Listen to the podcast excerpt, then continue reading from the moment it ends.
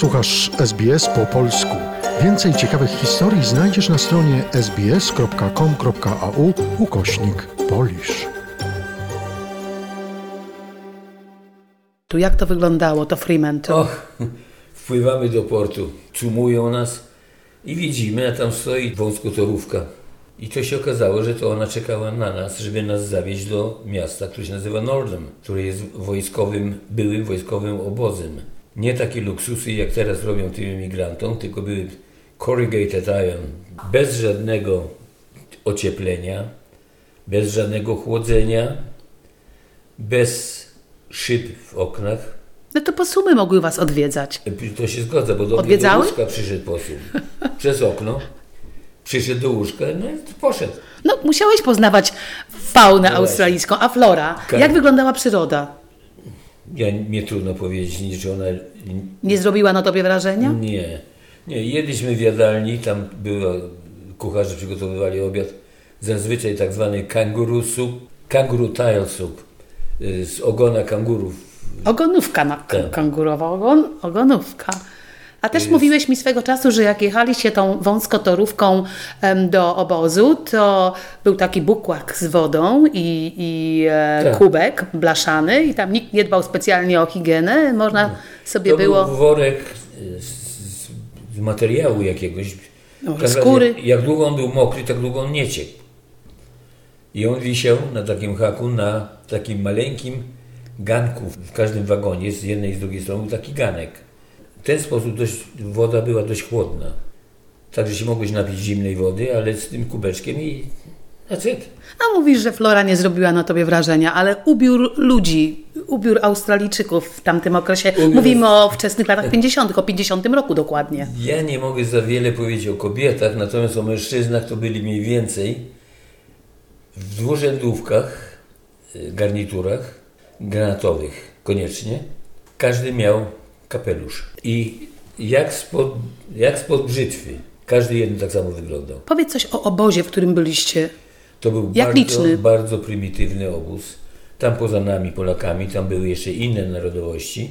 Wśród nich byli Łotysze i to byli prawdopodobnie ci, którzy byli w jednostkach niemieckich, walczyli i później w jakiś sposób dostali się do Australii, bo im nie wolno było przyjechać do tej.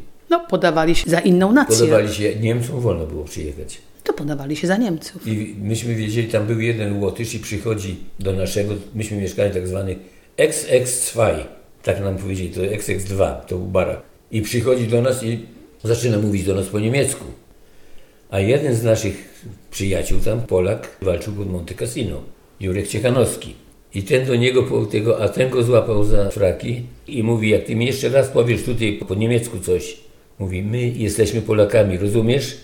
Tadziu, wyście byli dosyć krótko w tym obozie. Czy mama musiała odpracowywać kontrakt? Czy wy jako chłopcy też, czy w ogóle nie? Nie, nie, mama Mama przyjechała z wami? Nie, mama, to było do 48 roku życia bodajże, nie mogła przyjechać. A mama była 1903 Trzeci, rocznik. tak. Mama się tak mieściła, czad. Ale gdyby nie to, to i tak mogła z nami przyjechać. Ale byliście krótko. Mieszkaliście w Perth, czy od razu przyjechaliście do Melbourne? Nie, nie, myśmy w Perth nie mieszkali, w Nordem.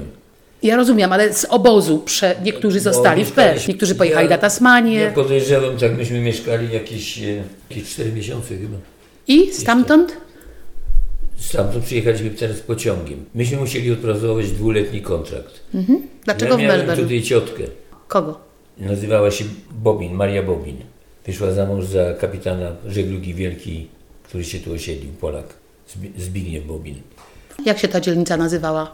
Podsłód. Podsłód. E, więc myśmy mieszkali u nich. Ona nam wyrobiła w pracę w fabryce Westinghouse, która była przez drogę. Produkowała?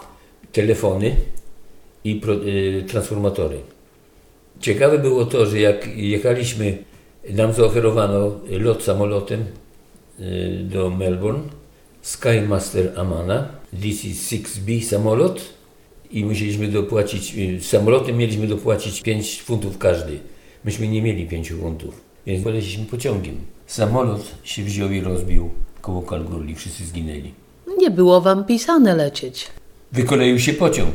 Naprawdę? Tak. Ten Środ- wasz pociąg? Ten nasz pociąg w środkowej Australii na pustyni wykoleił się pociąg.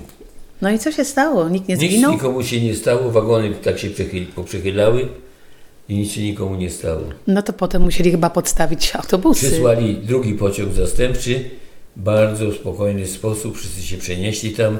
W międzyczasie było cup of tea, czwarta godzina, więc można było się napić jeszcze herbaty i dojechaliśmy do Melbourne. A nigdy mi tego nie opowiadałeś.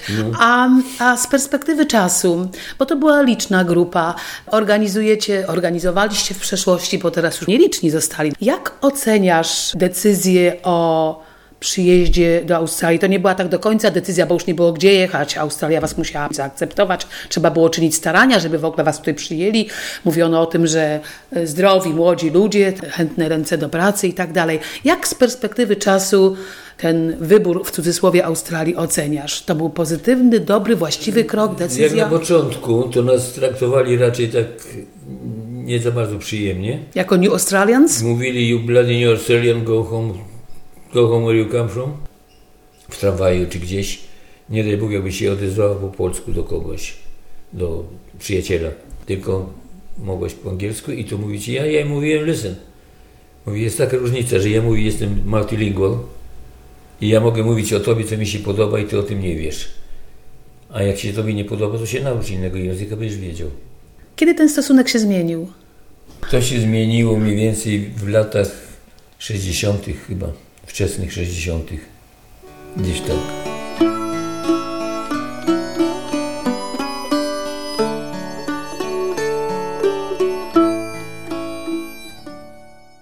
Żeśmy mieszkali u Bobinów długi czas. I Bardzo- dom był otwarty, i bardzo mama przyjmowała wielu gości. Wszystkich. I występowała na deskach teatru, więc była Tak. postacią znaną. Wprawdzie nie zawodowo, ale jednak grała w Australii, grała w Melbourne, była bardzo znana. Tak. Twój brat Jurek również przede wszystkim, może tego słuchacze nie wiedzą, ze zdjęcia, które wykonał w Hillsville, przyszły papież, czyli Karol Wojtyła, karmi kangura. To zdjęcie obiegło cały świat. Tak, to Jurek, to Jurek zrobił to zdjęcie. To było tak, Marian Zarzycki, już nie żyjący, Odra.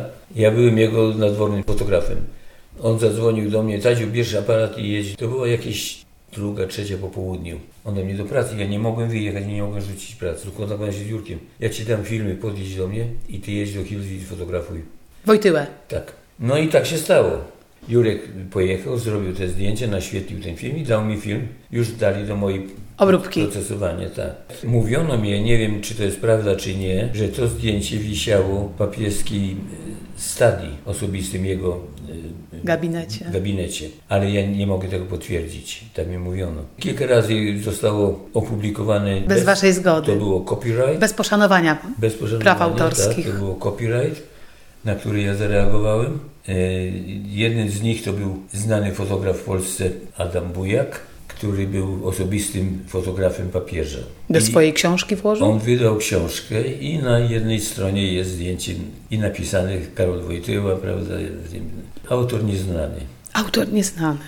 A on to wziął, użył z pocztówki, którą myśmy wydali i w tyle jak byk pisało copyright Jerzy i Tadeusz Dobrostański Melbourne. No ja zrobiłem z tego awanturę Tadziu, po latach jesteś Australijczykiem czy Polakiem? Polakiem. Polakiem, który mieszka w Australii? Tak. A powiedz, zdradź tajemnicę. Jak udało ci się, to nawet trudno jest powiedzieć, że zachować, bo język, bogactwo języka chłopca siedmioletniego, a język, jakim ty władasz dzisiaj, jak ty to robisz, że mówisz taką piękną polszczyzną? Zdradź. Moja mama, będąc aktorką, miała bardzo ładnie opanowany polski język. No naturalnie ona mnie wychowywała w języku polskim. Ja z moją mamą mieszkałem do 61 roku. 1961. Tak.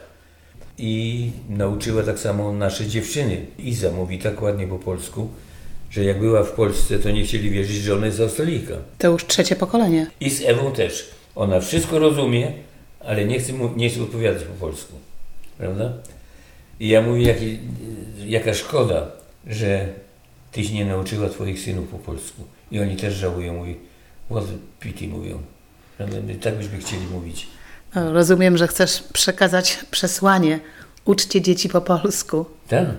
Tym bardziej, że dzisiejszy yy, w świecie, jak żyjemy w Australii, tak zwany multilingual ability jest bardzo ważny. Dwu czy wielojęzyczność. Tadziu. Coś tam Ewa, Ewa skończyła, zrobiła polską maturę w tej, tej polskiej tej szkole i przez to jedną z tych prac, którą dostała, dostała on the spot.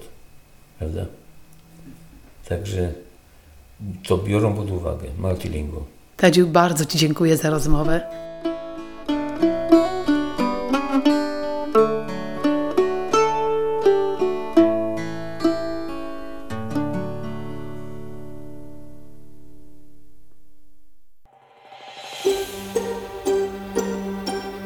Zainteresowało Cię? Chcesz usłyszeć więcej? Słuchaj nas na podcastach dostępnych w Apple Podcast, Google Podcast czy Spotify lub w jakimkolwiek innym, który używasz.